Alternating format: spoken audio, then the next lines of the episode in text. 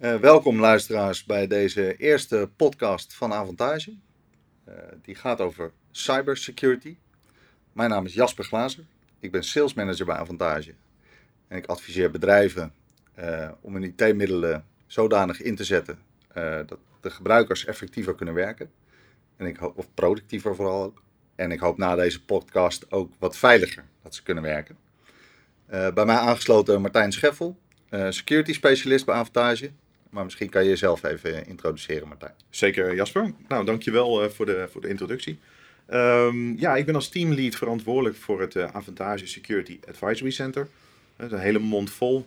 Interne kort wordt gewoon af als zak. Dat is een stuk makkelijker praten vaak. En dat, dat geeft wat minder dat je struikelt over de naam. Maar ja, wij zorgen er eigenlijk voor dat wij onze klanten helpen veiliger te worden.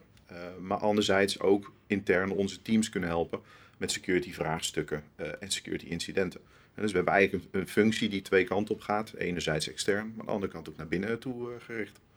Nou, vandaar dat we je natuurlijk ook uitgenodigd hebben voor, om deel te nemen aan uh, deze podcast. Want uiteindelijk is het doel dat, uh, en dat merk ik zelf regelmatig bij, bij mijn klanten, dat er veel vraag is naar optimale beveiliging. En daar kijken we natuurlijk in deze podcast naar, naar terug. specifiek als het gaat om, om hackers. We hebben drie delen waar deze podcast over gaat. Ehm, in eerste instantie gaan we kijken naar waar het hackers nou om te doen is. Ja. Uh, we hebben daarna een aantal praktijkvoorbeelden die je ook hebt uh, uh, bekeken, die we in de, in de wereld hebben, hebben terug kunnen zien.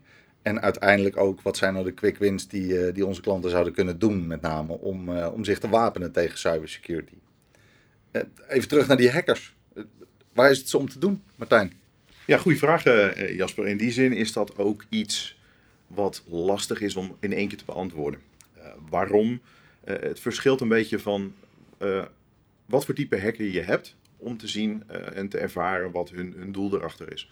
Dus ehm, als je kijkt, het, zijn niet allemaal meer de mensen met een hoodie op en een masker op en een zonnebril op hun zolder.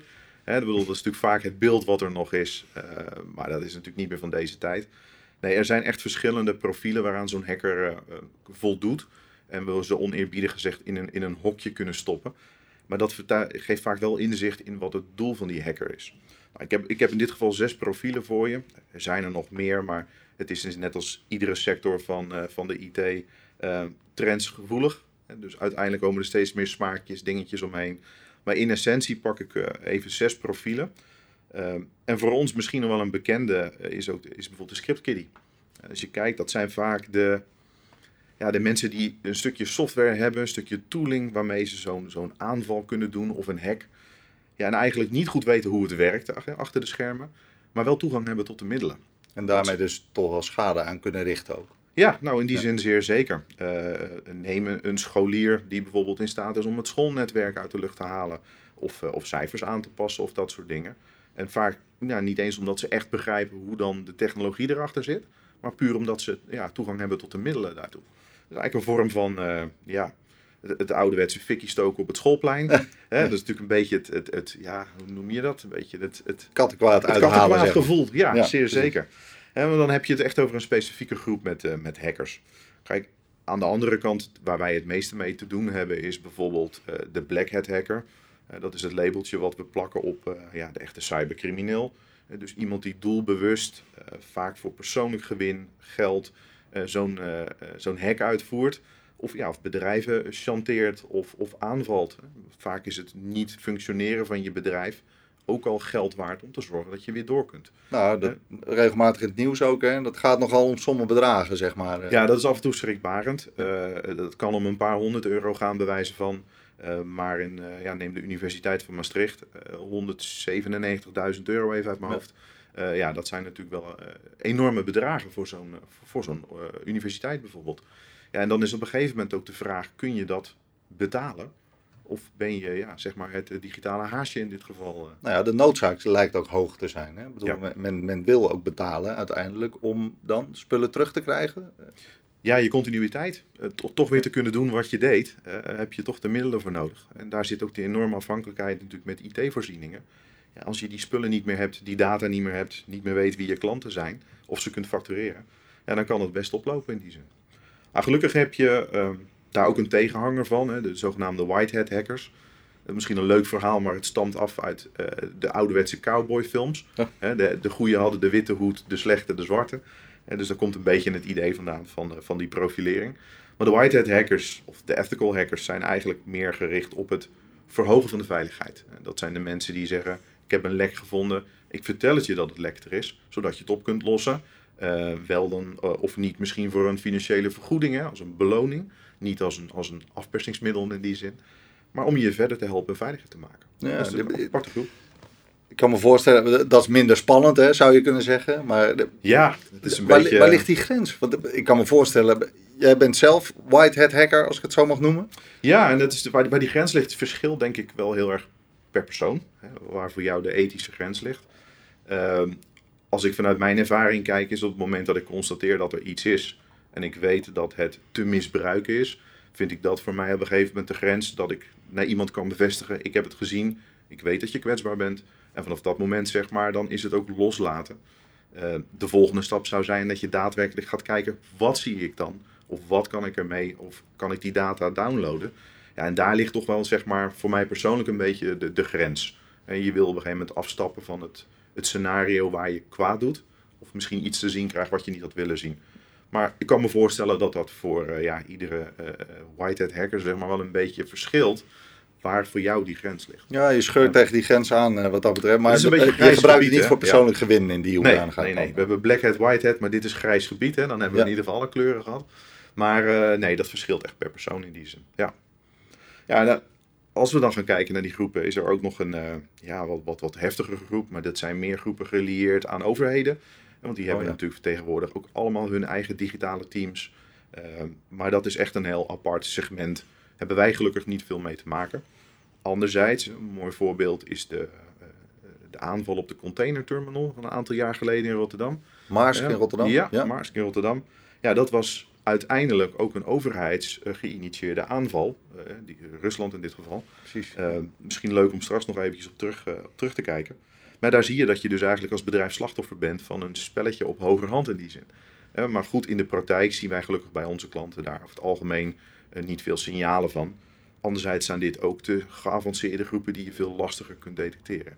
En daar zit vaak ook een factor geluk in. En is een heel typisch clubje van, van hackers. Ja, als het alleen om geluk gaat, dan hebben ze wel wat uh, teweeg gebracht, zeg maar. Zeker nou ja, in dit voorbeeld, hè? maar daar komen we zo nog op terug. Zeker. Nou, dat is een leuk feitje. Ik bedoel, de, de gemiddelde tijd voordat je een, een hacker ontdekt in je netwerk, mm -hmm. ligt volgens mij even uit mijn hoofd boven de 290 dagen. En dat is natuurlijk wel een enorme lange tijd dat je iemand toegang geeft of diegene heeft tot jouw omgeving. Dan kun je ook wel een heleboel misdoen in 290 dagen. Dus ja, je, je hebt in ieder geval de tijd om er op je gemak naar te kijken. Hè? Dat is natuurlijk uh, vanuit hackersperspectief fijn. Vanuit het perspectief van uh, het bedrijf misschien wat minder uh, in die zin. Nou ja, dan kijken we dan naar de laatste twee profielen. Zit daar bijvoorbeeld ook de, de, de hacktivist in? Ehm, dan moet je denken aan, aan degene die zijn boodschap uit wil dragen. En er zit vaak een nationaal belang in. Er zit vaak een religieus belang kan erin zitten. Maar dat zijn de groepen die bijvoorbeeld uh, websites hacken om daar een boodschap op te zetten. Er wordt bijvoorbeeld, uh, ja, ten tijde dat het niet zo lekker liep in Egypte bijvoorbeeld, werd dat heel veel gedaan om in ieder geval steun voor uh, partij A en steun voor partij B. Precies, iets aandacht vragen voor je cause, zeg maar. Ja, dat geval. is het in die zin, ja. Uh, digitale streakers, mogen we ze zo noemen? Ja, ja, ik weet niet of dat helemaal de lading dekt in die zin, maar ja, het is, het is, je vestigt aandacht op jezelf en op je doel. Dus uh, ja, ergens. Uh, misschien moeten we kijken of we die kunnen toevoegen als, ja. een, uh, als een nieuw profiel. De digitale streaker. En had er nog één? Ja, de, de laatste die ik in het rijtje meegenomen heb, is dan kijken we echt naar de cyberterrorist. want waar je vroeger de terrorist associeerde met de bomaanslagen en, en allemaal dat soort ja, manieren om, om vooral angst te zaaien, ja, heb je die digitaal natuurlijk ook. Die, die hebben meestal enkel als doel het zaaien van angst, maar ook gewoon het, het iets doen met enorm veel impact, maar vaak ook met enorm veel schade. Ja, hier eigenlijk... zijn nog wel eens films over gemaakt, hè, maar dit hebben we uit ervaring nog niet echt meegemaakt. Of, of, hebben we daar wel al voorbeelden van? Nee, gelukkig in die zin nog wat minder. Het zijn ook, uh, uh, ja, het is, het is een wat, wat kleinere club, gelukkig. Maar als je kijkt vanuit de organisaties waar wij mee te maken hebben iedere dag, ja, dan zit vooral die black hat, black hat hacker, hè, zegt die echte cybercrimineel, daar ligt vooral de focus eigenlijk op. Die overheid uh, dingen en dergelijke, die komen we bijna niet tegen dan. Gelukkig minder. Uh, de vraag is, zien we ze niet uh, of, of zijn ze er niet? Mm -hmm. nou, goed, zijn ze er niet is misschien wat naïef om vanuit te gaan. Maar nee, gelukkig hebben we er wat minder last van. We kunnen wel stellen dat ze steeds slimmer worden. Hè? Dus het ontdekken ervan wordt dan ook steeds moeilijker wellicht. Ja, ja dat zeker. En wat je ook merkt is dat zij vaak ook software gebruiken. Uh, waarvan bijvoorbeeld uh, de leverancier niet weet dat er al een kwetsbaarheid misbruikt wordt. En dat heb je natuurlijk gezien toen WannaCry op een gegeven moment uh, de schade aanrichtte in de wereld. Bleek uiteindelijk een kwetsbaarheid te zijn die de Amerikaanse overheid al lange tijd wist dat die er was. En daar ook gebruik van maakte. Ja, voor hun doelen. Ja. En dat ze zichzelf ook legitiem vonden om daar gebruik van te maken. En dat is natuurlijk altijd lastig als je in die in, uh, inlichtingendienst zit om daar natuurlijk een balans in te vinden. Hè? Wat vertel je en wat hou je voor jezelf? Maar daar zag je eigenlijk dat we toch met z'n allen een soort slachtoffer geworden zijn van het feit dat zij uh, dat niet gemeld hebben. Precies. Ja. We hebben nu zes uh, types even de revue laten passeren. Ja. belangrijk is om in het, het, volgende deel hebben we wat praktijkvoorbeelden. daar zullen we inzoomen op inderdaad de universiteit bijvoorbeeld. Dus laten we eens kijken welke profielen daar nou ook van toepassing uh, zijn. Ja, ik denk dat het een mooie casus is om, uh, om het even naast de, de, de, profielen te leggen die we, nu, uh, die we nu doorlopen hebben in die zin. Ja.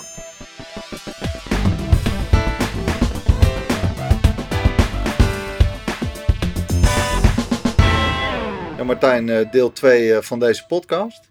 Ehm, we zouden het hebben over een aantal praktijkvoorbeelden gerelateerd aan datgene wat je net hebt uh, verteld over die uh, zes profielen die, uh, die met hacking te maken hebben. En hoe zich die nou bewegen in die praktijkvoorbeelden. maar om even terug te grijpen naar het vorige stuk. Er zijn ook trends te zien, denk ik, in, in cybersecurity of in hacking. De, hoe kijk jij er tegenaan? Ja, dat is op zich wel een hele goede vraag. Ook, ook een vraag die vaak wel gesteld wordt door, door klanten. Van wat zie je nou wat zien we nou gebeuren? Wat, wat is op dit moment de manier uh, waar je je tegen moet wapenen? Ja, en daar zie je toch veel van hetzelfde terugkomen van de laatste jaren. Alleen de methode erachter verandert iets. En dus we hebben nog steeds te maken met veelvuldige ransomware aanvallen. En dan zal ik straks in, als je kijkt naar het veranderende aanvalslandschap, ook even dieper op ingaan. Maar je ziet, die ransomware is er bijvoorbeeld nog steeds. We kennen allemaal WannaCry, daar hadden we het net al even kort over ja, die, die zijn er nog steeds. Alleen zie je toch dat het zich meer focust op eerst een goede hack binnen zijn en dan de ransomware uiteindelijk loslaten. Waar we nou, misschien 1, 2 jaar geleden veel meer te maken hadden met het in bulk verzenden van die ransomware. En dat was eigenlijk gewoon uh, prijs schieten en hopen dat je iets raakt. Kijken of iemand betaalt. Ja, daar, daar en, als je, het eigenlijk op neer. en als je het naar een miljoen mensen stuurt en je haalt daar 1% uit, kun je ongeveer uh, kijken van nou, dan is het dan misschien de moeite waard. Waar je toch nu ziet dat, dat men dat anders aanpakte. Dus dat is veel meer gericht. Hetzelfde zien we ook aan de e-mailkant, want dat is nog steeds met meer dan 90% de, de grootste oorzaak van uiteindelijk zo'n start van zo'n hack. Ja, daar zie je toch dat het steeds meer getarget wordt, steeds meer gericht op mensen met bepaalde functies, bepaalde rollen. We, kennen het phishing, dit noemen we dan spearphishing, dus meer gericht op bijvoorbeeld de financiële man van een organisatie om toch op die manier te proberen binnen te komen. Ja, de doelgroep wordt heel bewust bepaald, zeg je eigenlijk. Ja, er zit echt een strategie achter. Ja. En dat is wel iets anders dan uh, ja, zoveel mogelijk mail uitsturen en hopen dat het succesvol is. Die zien we nog steeds, alleen zie je wel dat die minder succesvol zijn. Ja, en die gerichte aanvallen zijn gewoon ja, vaak heel slim ingezet. En wat zijn dat voor onder spookfacturen? Eh, dat soort dingetjes die dan voorbij komen? Nou, ik, ervaar zelf dat eh, via de mail moet ik altijd mijn pasje wijzigen bij de ABN AMRO, maar ik bankier bij ING bijvoorbeeld. Je wist niet dat je zoveel bankpasjes had. Precies. Dat is natuurlijk het leuke verhaal. En het, iedereen heeft Netflix, Spotify en noem het maar op. We kennen ze allemaal wel, die voorbeelden. Maar wat je in de praktijk nu bijvoorbeeld veel ziet, is dat er vaak door middel van phishing, dus die mensen aanzetten om een document te openen, een linkje te klikken, of misschien een bijlage met een macro erin, een stukje code verstopt, dat ze eerst die inloggegevens proberen te bemachtigen. En in sommige gevallen op dat moment die toegang gaan gebruiken om tussen die correspondentie te gaan zitten met andere partijen. En dus we hebben onlangs zo'n case gehad bij een van onze klanten. Ja, en daar zag je dat uh, er uiteindelijk facturen heen en weer gestuurd werden. En heel gericht ingespeeld werd met dezelfde tone of voice, dezelfde uh, e-mailhandtekening. Om maar mensen te gaan overtuigen een bepaalde actie uit te voeren. Maar dat hebben we op tijd gezien, eh, neem ik aan. Nou, we hebben gelukkig die klant daarmee kunnen helpen, hè, dat we daar in een vroeg stadium bij waren. Uh, wij leveren natuurlijk ook allerlei diensten die daarbij kunnen helpen. Maar je ziet dat het zo vernuftig ingezet is dat uh, ja, het bijna voor de gemiddelde eindgebruiker onmogelijk is om nog te zien of er iets in die correspondentie niet klopt. En die moeten zo, zo scherp erop zitten. Conclusie is nog meer bewustwording creëren. Eigenlijk. Nou, bewustwording is denk ik een van de grootste aandachtsgebieden als je kijkt van ja, hoe word je veiliger. Eh, dat is niet altijd een kwestie van je portemonnee opentrekken, een hoop geld investeren en het probleem is weg. Maar die eindgebruiker speelt daar uh, misschien nog wel de belangrijkste rol. Maatregel voor de korte termijn. Kijk het naar, want het gaat natuurlijk ook mis. Hè? Eh, vandaar die drie voorbeelden. Uh, ja, ja. We hebben de Universiteit van Utrecht, uh, of van, sorry, van Maastricht gehad. Ehm, Maas, die containerterminal, hadden we net al even iets over. En nou ja, last but not least, maar nu in de media die Twitter-hacks. Ja, die komt voor onze podcast natuurlijk op een erg mooi moment. Hè? Dat is natuurlijk gelijk een, een, een goede even om in die zin in mee te pakken. Uh, nou ja, de Universiteit van Maastricht is natuurlijk een heel sneu verhaal in eerste instantie. Want het is, uh, ja, zo'n universiteit kampt met een enorme aanval. Uh, is op ja. dat moment niet meer in staat om te doen wat ze het liefste willen. Dat is die opleiding bieden voor die studenten. Ja, en dan is het toch een, een als bedrijf zijnde help je daarbij en lever je daar de middelen voor. Maar het is natuurlijk toch sneu om te zien dat zo'n organisatie natuurlijk eigenlijk helemaal lam ligt hè, in eerste instantie. Maar een flinke prijs moeten betalen ook. Ja, uh, even afgerond 2 ton hebben ze uiteindelijk ja. uh, uh, betaald aan de, aan de cybercriminelen. Om toch weer te zorgen dat hun business kon starten. Maar ook toen waren ze niet meteen weer up en running. Hè? Heeft het ook nog even geduurd voordat ze weer operationeel waren. Ja, maar het is natuurlijk ook wel een... kijk, wat je vaak ziet bij een ransomware aanval, is dat je eigenlijk uit moet gaan uh, daarna van een scenario waar je niets meer kunt vertrouwen. Hm. Dus alles wat je hebt, zul je moeten, uh, even oneerbiedig gezegd, door de wasstraat moeten halen. Precies. Om te zorgen dat je zeker weet dat het veilig is. Want je hebt er maar één machine nodig waar het nog op staat. En als je pech hebt, begin je weer van vooraan. Dus niet alleen maar de initiële aanval is een risico, maar nee. ook alles wat daarna mogelijk nog zou komen. En ik ben er ook geheid van overtuigd dat op het moment dat jij die, uh, ja, die ransomware, zeg maar die ransom betaalt en dat losgeld, dat er natuurlijk ook mooi een plusje achter je naam komt te staan van, hé, hey, dus wel fijn dat die, uh, die betalen, die betalen tenminste. Ja, precies. En, en ja, dat is natuurlijk, je kan ervan uitgaan dat je gewoon nog een keer uh, getarget wordt. Minimaal in het eerste jaar. Die twee andere voorbeelden, hoe, wat voor een impact heeft dat gehad? Ja, als je de. Hè, we hadden het net even kort de MERS terminal. Daar zagen we natuurlijk de, de aanval van de NotPetya ransomware.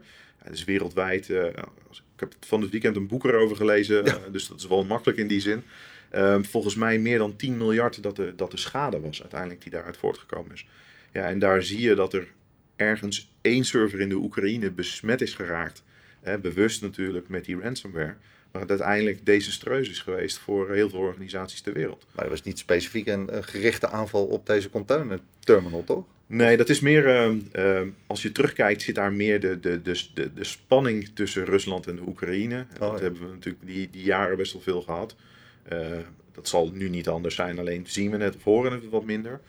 Maar daar zat echt doelbewust een, een aanval in. Dus echt de state-sponsored hackers ehm, die die aanval ingezet hebben. Dus zij besmetten in, in eerste instantie een stukje software wat gebruikt wordt in de Oekraïne voor het doen van belastingaangifte. Maar ja, de Maersk Terminal in, uh, in Rotterdam heeft uh, ook een vestiging in Oekraïne. Heeft oh, dus één machine daar staan. En die ene machine was voldoende om het uiteindelijk naar binnen te halen. Dus des te meer, uh, joh, kijk wat je doet. En ook weer ja. bewustwording of weet waar je mee bezig bent in die hoedanigheid. En het, het gevaar zit hem vooral ook in de snelheid waarmee dat gebeurt. Ja. Uh, pakken we de Universiteit van, van Maastricht, die hadden, even uit mijn hoofd, 270 servers. En binnen 50 minuten waren de hackers klaar. Hè, dat is vanaf het moment dat ze initieel natuurlijk het, de rode knop indrukken en die, die, die versleuteling gaat beginnen.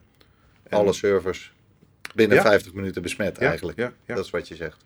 Ja, want als je kijkt naar hoe dat dan in zijn werking gaat, hè, want in dit geval kwam er eerst een phishing mail, dus dan hebben we dat enorme percentage van mail weer naar, naar boven. Hè, dus door middel van die phishing mail kregen zij de inloggegevens van iemand in handen. Daarmee konden zij inloggen. En als je eenmaal binnen bent, is het natuurlijk een kwestie van zoeken naar de volgende kwetsbaarheid die je vindt.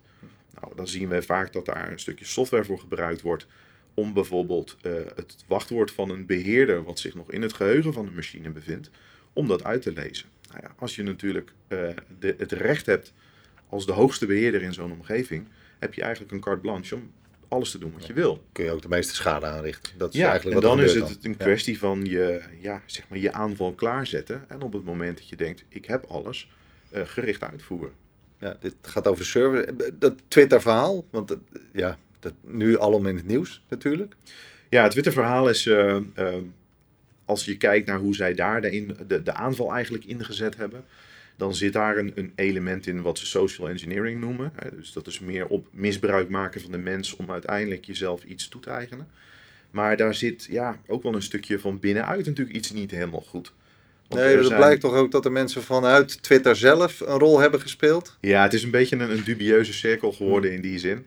Ehm, dit weekend hebben ze trouwens wel de verdachte erachter eh, gearresteerd. Hè? Ik bedoel, de, de, het meeste brein erachter was een 17-jarige jongen. Oh, Hè, dus dan, misschien had hij gehoopt dat hij nog weg zou komen als minderjarige. Maar ik begreep dat ze die wel als, eh, als volwassene gaan berechten bijvoorbeeld. Hè? Dus dat ja, word je in Amerika denk ik niet heel gelukkig van. Ja. Maar je ziet eigenlijk dat daar die inval eh, ingezet wordt. En ze eigenlijk in meerdere stappen zichzelf toegang geven uiteindelijk tot het beheerportaal ehm, van Twitter. Nou ja, op het moment dat je toegang hebt tot dat portaal, en dat was ook te zien uit de schermafdrukken die uitlekten, ja, was je in staat om bijvoorbeeld, eh, hè, neem het, het Twitter-profiel van Jasper Glazer te nemen. Hè, ik denk niet dat ze het op jou gemunt zouden hebben, maar het, het had zomaar gekund. Eh, dat ze jouw profiel pakken. En dan konden ze ook gewoon simpelweg zeggen: ik haal bijvoorbeeld de multifactor authenticatie eraf. Hè, zodat je naast de gebruikersnaam en wachtwoord niet een extra code nodig hebt om aan te melden.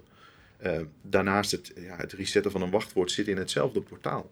Ja. Dus jezelf zo'n account toe-eigenen eh, wordt dan ineens heel erg eenvoudig, omdat je de middelen daartoe hebt. en dit is eh, bedoeld enerzijds om weer geld los te krijgen, heb ik begrepen.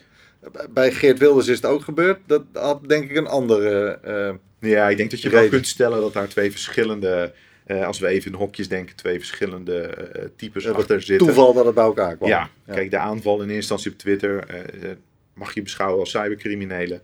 Eh, daar zat puur een, een financieel eh, eh, belang bij. Hè, want ze hebben natuurlijk een aantal high-profile accounts gepakt. Neem Barack Obama, neem Elon Musk. Eh daar vanuit een tweet gestuurd. Jongens, ja. stuur ons je bitcoins en wij verdubbelen ze en we maken je rijk. Ja, nou, op het moment dat je daar geld heen stuurt, misschien ook de vraag of daar een awareness training niet zou helpen. Maar er zijn natuurlijk genoeg mensen die erin trappen. Want einde van de rit, eh, je kunt bij Bitcoin misschien niet gelijk zien wie er de eigenaar van is. Maar je ziet wel welke transacties er gedaan worden. Dus op het moment dat uiteindelijk die rekening bevroren werd, ja, stond er toch een goede 120.000 dollar al op. Dat zijn dus allemaal mensen die eigenlijk in, eh, ja, erin gestonken zijn. Dus uiteindelijk geld overgeboekt hebben eh, met Bitcoin in de hoop dat zij het verdubbeld terug zouden krijgen. De cryptocurrency, misschien een goede voor een volgende podcast. Ja, dat is altijd een hebben. mooie, hè? Dat een beetje de, de anonieme valuta om, eh, om, heen en weer te schuiven. Maar eh, op een gegeven moment zijn zij natuurlijk door de mand gevallen eh, toen zij die grote accounts allemaal raakten. Eh, dus op het moment dat jij gaat tweeten als Barack Obama, dan lig je bij Twitter denk ik al redelijk snel onder de loep. Maar er zit ook nog een stukje voor, eh, en daar zie je wat meer het businessmodel in terugkomen wat zij voor ogen hadden. En dat is het stelen van de zogenaamde OG-accounts, zoals ze dat noemen. En dat zijn eigenlijk accounts die ehm, alleen gemaakt kunnen worden bij de allereerste mensen zeg maar, die aanhaken bij, zo'n, eh, bij bijvoorbeeld Twitter. Eh, denk aan eh, ehm, het account 1, 2, 3 of eh, God, admin. Weet je wel, dat soort dingen die je in een heel vroeg stadium kunt pakken, maar zeker niet meer na jaren. Nee, precies. Maar daar zit een serieuze handel in. Ja. En je zag dat die jongens in eerste instantie dat soort accounts pakten. En dan gewoon leverden aan mensen die het wilden kopen. Eh, volgens mij betaalde er iemand 2500 dollar voor het account 6.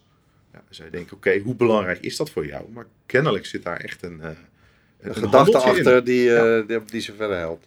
Het enige wat je dan ziet is dat het uiteindelijk, eh, ja, snakt men naar meer en meer geld en sneller geld. Ja, dan ga je meer naar de hoge profielen toe op Twitter. Maar dan lig je ook sneller in de schijnwerpers natuurlijk. Onder de Nou, ik heb deze voorbeelden spreken voor zich natuurlijk. Hè? Dus Ja. ben hè, uitgebreid op ingegaan. Ehm, deel 3 starten we zo meteen mee. Kijken we kritisch naar eh, hoe het aanvalslandschap er nou uitziet. Maar vooral ook, wat, wat kunnen we er tegen doen? Ja, ik denk dat dat zeker een goed is. Hè? Want het feit dat we weten wat er verandert, eh, helpt ons ook om in ieder geval een richting in te zetten van ja, hoe kun je wat beter er tegen weren. Ehm, als toch even terugpakken op die Twitter-hacken, want leuk, want we, we zeiden net Geert Wilders. Ja, Hè, die zit natuurlijk wel echt in een ander hokje. Eh, daar zit niet echt het, het, commercieel belang achter van iemand die het account van Geert Wilders daarvoor uh, misbruikt. Maar ja, pak je de hactivist, hè, dus je activisme, je boodschap uitstralen. Je digitale strieker. Uh. Ja, de digitale strieker, uh, in dit geval op het account van Geert Wilders. Ja. Uh, ja, daar zag je natuurlijk dat het vooral ging om de exposure, om te laten zien, en eigenlijk Geert Wilders een beetje voor gek te zetten, maar wel te laten zien dat er een boodschap achter zit. Hè. Ja. Dus dat niet zozeer geld, maar meer gericht op de boodschap. Perfect. We kijken zo in deel 3 verder naar uh, wat we er tegen kunnen doen. Ja, gaan we doen.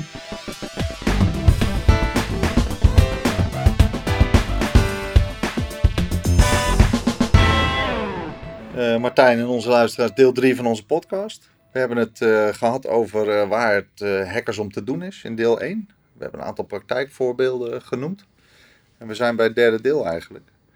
Um, wat, wat, kunnen we er nou aan doen? En hoe is het aanvalslandschap nou aan het, aan het veranderen?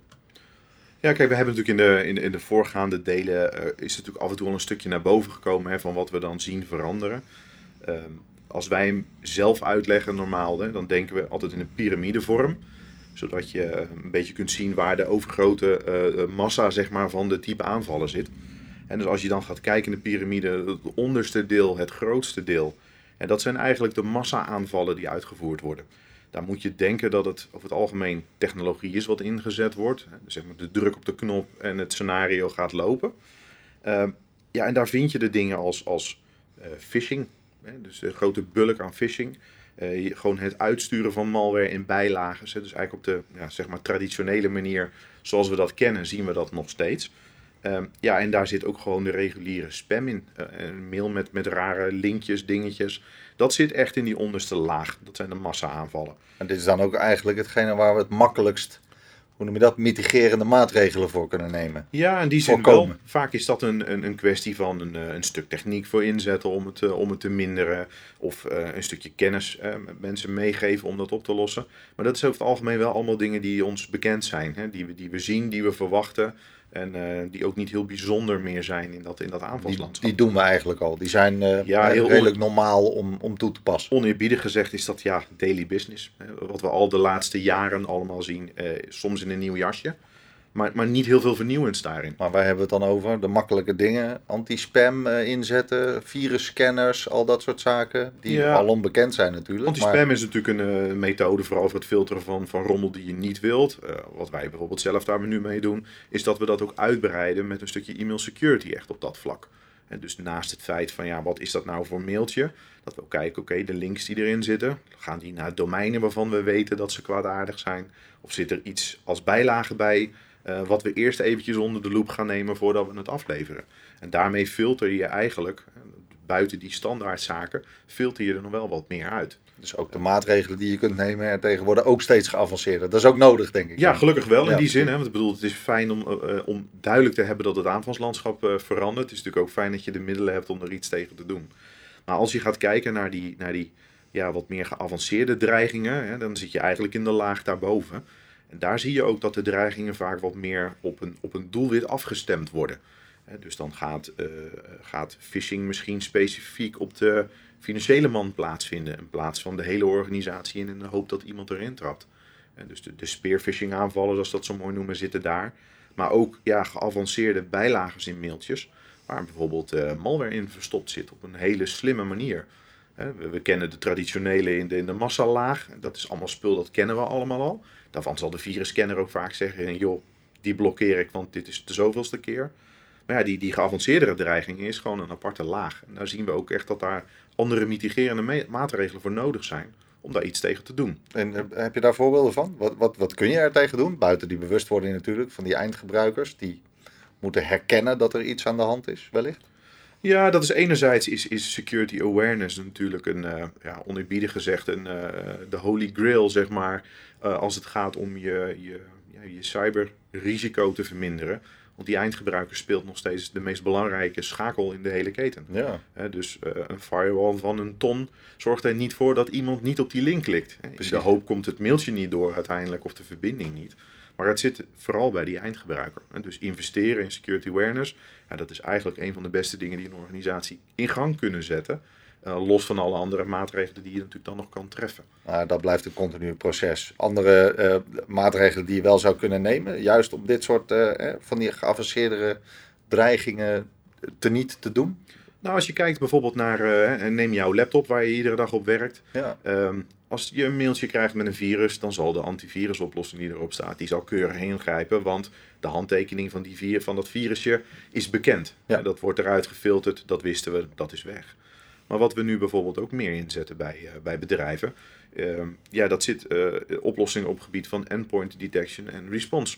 dus dat gaat er meer naar van, ik ga niet meer kijken wat er zozeer binnenkomt, maar ik ga kijken naar het gedrag op die machine. Hè, zodat ik zie het moment dat een gebruiker een script uitvoert, wat bijvoorbeeld gaat zoeken van waar zou ik meer rechten vandaan kunnen halen, of een stukje software wat gaat kijken op een plek waar jij normaal nooit zou komen, ja, dat je daar een alarm van krijgt. Dus dan ga je veel meer kijken naar gedrag. Combineer je vaak ook met oplossingen met kunstmatige intelligentie. Dus die die analyse voor jou gaan doen. Maar dan ga je meer zoeken naar afwijkingen op de normaal. En dat is eigenlijk ook de manier om dan de, de, de geavanceerdere dreigingen, ja, om daar toch iets tegen te kunnen doen. Dan weet je eigenlijk niet dat het plaatsvindt, maar de techniek zegt van, hé hey, kijk, toch eens hiernaar. Ja, misschien niet zozeer van ik heb dit gevonden, maar meer van, joh, ik zie signalen die voor mij vreemd zijn.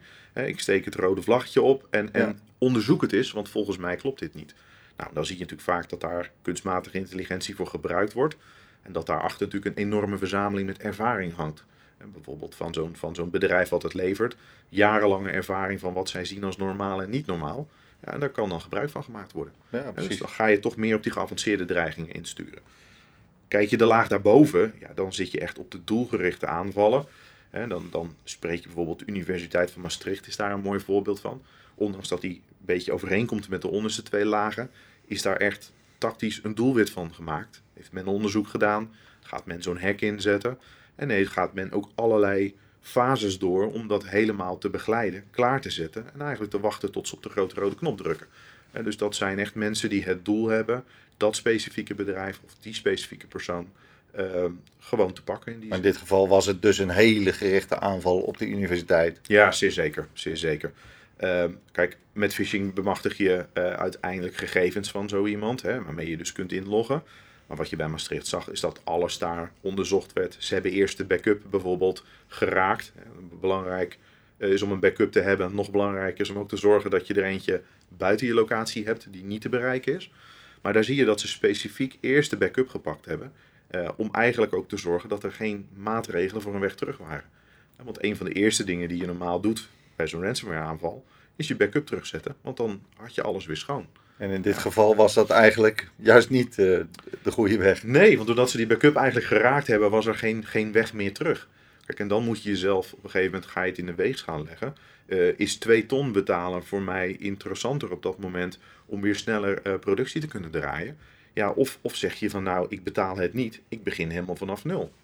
Maar dat is natuurlijk best wel lastig, helemaal voor een universiteit. Ja, Want je hebt geen cijfers, je hebt geen diploma's, geen studenten meer waarvan je weet dat ze komen. nee, verschrikkelijk. Eigenlijk dat- onmogelijk. precies. Dus uiteindelijk het alternatief is betalen. En ja, vaak is het ook nog een bedrag waarvan je denkt, ja, ik kan het er niet voor opnieuw starten. Dus dan Nee. is het maar 2 ton. Het Dat kost meer om het opnieuw op te bouwen, bij wijze van. En al die verloren systeemdata eh, kwijt te zijn. eh, dan dat je inderdaad nu maar betaalt en zegt van joh, Ja, dan kan klopt. ik inderdaad weer verder. Maar goed, je had het ook al over het risico dat daar eh, een, eh, een vinkje achter de naam staat bij deze. Zeker. Dus ze zullen wel additionele investeringen moeten doen om ook weer dit te voorkomen. Ja, en vooral eh, misschien nog niet eens de investering gelijk in technologie. Maar ik denk wel de investeringen in het opnieuw in kaart brengen van, joh, wat, wat heb ik nu? Kijk, als je niet weet wat je hebt, kun je het ook niet beveiligen. En dus, dus zorgen dat je inzicht hebt in wat heb ik nou overal staan, hoe is het met elkaar verbonden en, en weet ik van alles wat er in mijn netwerk hangt, waarom het er zit, is misschien wel de belangrijkste investering die je op dat moment als eerste kunt doen. Ja. Toch zie je wel in de praktijk dat daar ook wel ehm, de cybercriminelen wat anders mee omgaan nu. Hè? Want dat is wel echt een verandering die je ziet. Want voorheen zeiden ze tegen jou, als jij niet betaalt, krijg je dus je data niet terug. Dan kon je nog besluiten dat niet te doen. Als we nu kijken naar de wet op eh, persoonsgegevens, de AVG, GDPR, is de volgende stap die zij vaak nu zeggen, is dat ze zeggen, oké, als jij niet betaalt is ook prima, maar dan lek ik de data naar buiten. En dat is natuurlijk hè, weer gerichte aanval, misschien in combinatie met ransomware. Maar dan zit er ineens een element in dat ze jouw data ook stelen. En op het moment dat die data natuurlijk op straat komt te liggen, kan het zijn dat de boete die jij krijgt hoger is dan de twee ton die jij betaalt aan de hacker in dit geval. Kortom, dan, eh, ja, het gewin is dan niet zozeer voor de aanvallende partij, maar uiteindelijk ja, ben je alsnog gedupeerd als Ja. eindklant. Dan is de vraag, riskeer je een boete van een miljoen eh, Ja, versus eh, twee ton. Ja, versus 2 precies. ton. Ja, dan denk ik dat voor heel veel bedrijven de keuze snel gemaakt is. Maar in de praktijk zien ze wel dat meestal het eerste jaar er opnieuw vaak een phishing aanval plaatsvindt vanuit dezelfde groepen. Om toch te proberen opnieuw binnen te komen. Want ja, ze weten toch dat je betaalt op de vorige keer. Hey, en de laatste doelgroep? Ja, de laatste doelgroep zit, eh, als je het kijkt, dat zijn eigenlijk de landen, eh, om het maar even te generaliseren. Maar dan zit je echt eh, te denken aan de hackers van overheden of, of gelieerd aan de overheid. En dat is eigenlijk het topje van de ijsberg. Maar goed, dat is ook de laag die je het minste ziet of zult zien. Eh, omdat die vaak over veel geavanceerdere middelen beschikken. Dan kunnen we daar ook ogenschijnlijk die, eh, die, die verkiezingsfraude of de suggestie voor verkiezingsfraude, waar Trump het misschien wel regelmatig over heeft. eh, Nou, het leuke, is als je, het leuke is als je inhaakt op die verkiezingsfraude, hè, kom je dat in datzelfde verhaal ook weer terug als waar bijvoorbeeld een NotPetya aanval in zit. oh ja. Hè, dan, dan hang je aan een aantal groeperingen die ze ja, zeg maar bestempeld hebben als Russische overheid. En het leuke is dat ze altijd namen hebben als Fancy Bear bijvoorbeeld. Oh. Hè, dat is meer, als het uit Rusland komt, associëren ze het met een beer. Mhm. Is het weer een, een hacker uit China, dan is het een panda. Hè? Dat, is, dat is iets, eh, ja, daar kunnen we over discussiëren, maar zo gaat dat nu eenmaal. Maar daar zie je dat dus die verkiezingen eh, vaak ook allemaal wel eh, vanuit een, een overheidsgelieerde aanval plaatsvinden. En dat is toch weer, ja, zeg maar de next level wat daar zit. Nou, maar ook de moeilijkste grijpen. substantiële impact natuurlijk op, eh, op de wereldeconomie potentieel. Wie de president Zeker. van Amerika is dadelijk. Ja, en je ziet dat dat soort hackers die aanvallen inzetten op dat niveau ook veel meer de beschikking hebben over geld. Want eh, als je bijvoorbeeld zo'n lek vindt, waar ik het net over had, eh, kun je dat verkopen op het dark web. En een goed lek zou je misschien wel een paar ton voor kunnen vangen. Dus een, een, het moment dat je een aanval ziet waar vier of vijf van die onbekende lekken in zitten, en je zou dat vertalen naar een straatwaarde, dan ga je op een gegeven moment de, het kader uit van de cybercrimineel. En dan kom je toch meer in de kant van de overheden te zitten. Want dan gaat het om zoveel geld dat een gemiddelde crimineel zou zeggen: Ik verkoop het wel. Op Ja, soort, de eh, impact die dat met zich meebrengt dan ja, uiteindelijk. precies. Ja. En dan, eh, dan is geld een, een rol. Maar eh, eh, tijdens een webinar van een, van een securitybedrijf werd bijvoorbeeld dit ook geroepen. Eh, de kans om, om zo'n land te detecteren, zo'n zo'n hacker uit, uit staatsbelang, ja, dat, daar hangt een factor geluk aan vast. Dus als je kijkt naar mitigerende maatregelen, is dat voor dat, dat soort niet spelers bijna niet te doen. Nee. Wel belangrijk natuurlijk, om even terug te grijpen naar van joh, wat kunnen onze luisteraars doen zelf? Eh, we hebben een aantal eh, definities in, in de gradatie waarin eh, die hacks of, of aanvallen kunnen plaatsvinden. Maar volgens mij kun je al makkelijk zorgen dat je enigszins veilig bent. Ik zelf moet naast een gebruikersnaam en een paswoord ook nog altijd een extra code intoetsen om überhaupt maar tot mijn systemen te komen. Gelukkig wel. Dat is natuurlijk op zich wel vandaag de dag fijn. Maar er zijn zeker maatregelen die je kunt treffen. En, en het hoeft echt niet zo te zijn dat je al aan de tonnen denkt aan investeringen. Hè, bedoel, als je kijkt naar een gezonde basis. eh, het hebben van antivirus op al je machines. Het klinkt als een cliché. Het klinkt iets als waarvan we weten dat het al jarenlang hè, de nummer één aanbevolen maatregel is. Maar ja, het niet hebben van antivirus is gewoon eh, ja, cruciaal. Het, het- het- je moet gewoon zorgen dat die antivirus erop draait. Het liefst ook nog met een stukje geavanceerde malware detectie. Hè, dus in de basis goede antivirus. Ehm, daarnaast, zoals jij al zei, hè, de extra code bij het aanmelden, de multifactor authenticatie. Volgens mij makkelijk toe te passen. Vaak heel makkelijk toe te passen. Ja. Eh, als bedrijven gebruik maken van eh, de Microsoft Office 365 suite bijvoorbeeld, dan heb je in sommige licentievormen daar gewoon, eh, mag je daar gratis gebruik van maken. En toch zien we dat een hoop ondernemingen dat niet doen. Ehm, op het moment dat jouw gebruiksnaam en wachtwoord lekken, of bijvoorbeeld door zo'n phishing mail afgevangen worden, ja, dan zou multifactor authenticatie er eigenlijk al voor kunnen zorgen dat die aanvaller niets heeft aan alleen dat setje met gegevens. Dus een hele simpele methode om toch een heel groot risico de kop in te kunnen drukken. Nee, want username password, hè, we kennen allemaal de gele briefjes nog wel in een laadje. Of, ja, eh, ja, maar daar zie je ook dat bijvoorbeeld het regelmatig wijzigen van je wachtwoord en zoveel plekken waar je een wachtwoord moet invullen, eh, het ook uitnodigt om een te makkelijk wachtwoord te nemen. Want je kunt het simpelweg zelf niet meer onthouden. Nee. Dus een goede wachtwoordmanager, hè, dus even een, een zijstapje naast die vijf, eh, kan je al helpen door gewoon complexe, eh, onlogisch, niet leesbare wachtwoorden te kiezen. Van misschien wel 30 karakters lang. En dan wel extra beveiligd met zo'n multifactor Als het kan, ja, ja dat is eigenlijk, uh, wij zeggen soms eerbiedig, on, oneerbiedig.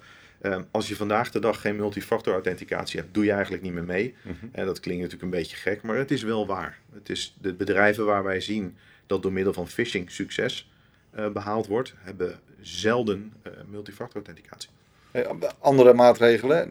Ik zie dingen als next-gen firewall, maar updates van machines ook wezenlijk van belang. Hè? Ik merk dat ook uh, in, in, mogelijk met de coronacrisis die we achter de rug hebben.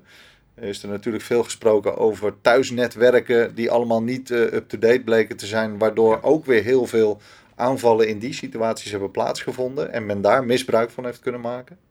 Ja, dat is zeker het geval. Uh, Kijk, het regelmatig installeren van updates uh, klinkt als iets van ja, daar gaan we weer. Of mijn laptop is weer aan het updaten. Maar in essentie zitten in die updates vaak wel um, allerlei methodes om beveiligingslekken te dichten. Ja, precies. Dus onlangs hadden we bijvoorbeeld voor Microsoft weer een, uh, een noodsignaal. is er een lek gevonden? Ja, en de oplossing om dat lek te dichten is simpelweg een update installeren. Dus patch management voor je werkstations en je, fire, en je servers ja, is, is essentieel. Is niet meer weg te denken vandaag de dag. Nou, gelukkig zijn er allerlei methodes voor om dat ook te automatiseren. En dat je daar veel minder zelf mee bezig hoeft te zijn. Maar je kunt niet zonder goed patch management. Onlangs was in Rotterdam een leuk evenement eh, rondom cybersecurity. Ja, en daar kwam ook de strekking eigenlijk vandaan: niet lullen, maar patchen. maar ja, in essentie is dat het wel. Het is, het is gewoon doen. Het is ook geen discussie meer. Het is gewoon doen. Maar ook weer besef en noodzaak. Ja, je moet er wel bewust mee bezig zijn. En dat is met alles. En daar zie je ook als je niet weet wat je hebt, kun je het ook niet beveiligen. Ook goed inzicht wat je moet updaten. En of er machines staan die misschien niet meer te updaten zijn. denk aan eh, Windows 7. Wil je die vandaag de dag nog in je netwerk hebben? Ja. Ja, de beveiligingsrisico's daarvan zijn eigenlijk te groot. Dus daar moet je gewoon een besluit dus over nemen. daar moet je of een hele goede reden voor hebben. Of je moet zorgen dat je dat heel goed isoleert. Dat de kans op misbruik heel klein is. Vooral niet direct aan het internet hangen bijvoorbeeld. Ja, kijk, als laatste, jij riep next-gen firewalls. Nou, dat is altijd een heel mooi voorbeeld daarvan.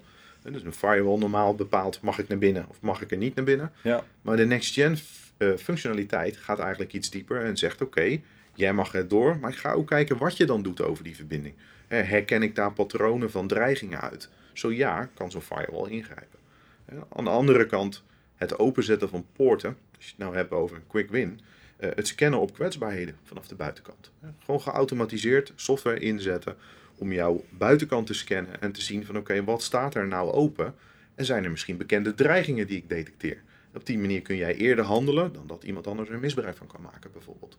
Maar daar gaat het al om natuurlijk om. Hè? Uh, voorkomen is uh, ja, beter voorkomen dan genezen. Dus deze maatregelen zijn eigenlijk gewoon dringend te adviseren. Nou, dat zie je zeker. Kijk, die 100% dekking, die ga je niet vinden. Dat is een utopie. Het is onmogelijk om je 100% te beschermen tegen, tegen alle cyberdreigingen die er zijn. Maar je kunt het ze wel steeds lastiger maken. Kijk, en dat is hetzelfde met een inbraak in je huis. Het moment dat ze zien dat het bij de buren vele malen makkelijker is en ze verwachten dat daar hetzelfde te halen is, ja, dan gaan ze toch afwegen of ze bij jouw huis gaan beginnen of dat ze misschien denken die slaan we dan over. En dat is met dit soort dingen ook. Als je gewoon zorgt dat je standaardbasis op orde is, dan voorkom je al zo verschrikkelijk veel uh, soorten aanvallen die mogelijk zijn. Ja, en dan is het daarna kijken van oké, wat wil je als organisatie nog meer? Maar vaak ook wat kun je budgetair nog? Ja, Want niet iedere organisatie kan miljoenen uitgeven aan cybersecurity. Het blijft natuurlijk ook een beetje kat-en-muisspel. Altijd, ja. En dat is ook wat je merkt op het moment dat er een nieuwe dreiging bekend is. Is het dus al een teken dat op het moment dat jij het hoort, iemand anders het al eerder wist. En dan is de vraag, hoeveel mensen weten het al? Uh, is er al iets om het lek zeg maar te misbruiken? Of ben je nog in een fase dat je kunt zeggen, oké, ik ga gauw updaten en ik ben er vanaf. Maar dat zal altijd een kat-en-muisspel blijven. Kijk. Eh, heb je tot slot nog iets uh, ja, wat je de luisteraars mee wil geven? Nou, ik denk, we, we hebben hem even genoemd in deze sessie ook, maar security awareness, dus die aandacht besteden aan de medewerkers in zo'n bedrijf, dat zie ik zelf dat dat bij heel veel organisaties echt te weinig gebeurt. Maar op het moment dat je mensen leren herkennen wat er gebeurt of dat een raar mailtje binnenkomt, uh, daar is bijna geen technologie tegenaan te zetten. En tuurlijk kan technologie heel erg veel helpen, maar ook die aandacht besteden aan de, aan de medewerker is gewoon eigenlijk essentieel vandaag de dag. Ja, precies. Kortom, eh, bewustwording en de simpele maatregelen toepassen. Actief bezig zijn met cybersecurity. Ja. Bewust ervan zijn dat er iets aan de hand is buiten. Ja, en dat je je tegen kunt wapenen op een goede manier. Martijn, dankjewel uh, voor uh, het aansluiten in deze eerste podcast van, uh, van Avantage. Graag gedaan, Jasper. In de volgende gaan we het hebben over een verdieping op dat security verhaal. we hebben maatregelen die vastgelegd zijn in een zogenaamd 620 framework. Waarin we echt kunnen toetsen ook hoe die, hoe die maatregelen die bedrijven kunnen nemen. daar een cijfer aan hangen eigenlijk. ja, hoe ver een soort volwassenheidsscore is het een beetje. Ja, ja. goede aanvulling. Um, als luisteraars nog meer willen weten, waar, kunnen ze je bereiken? Nou, ik denk dat uh, ze, kunnen altijd een mailtje sturen. We hebben een speciaal e-mailadres, podcast.avantage.nl. Uh, eh, als ze daar een mailtje naartoe sturen, dan, uh, dan komt het vanzelf bij mij of, of bij jou.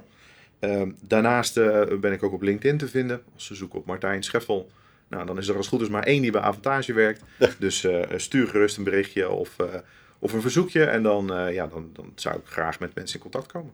Nou, fantastisch. Hartelijk dank daarvoor. Ja, Luisteraars ook hartelijk dank. En graag tot een uh, tot de volgende, volgende podcast. Zeker.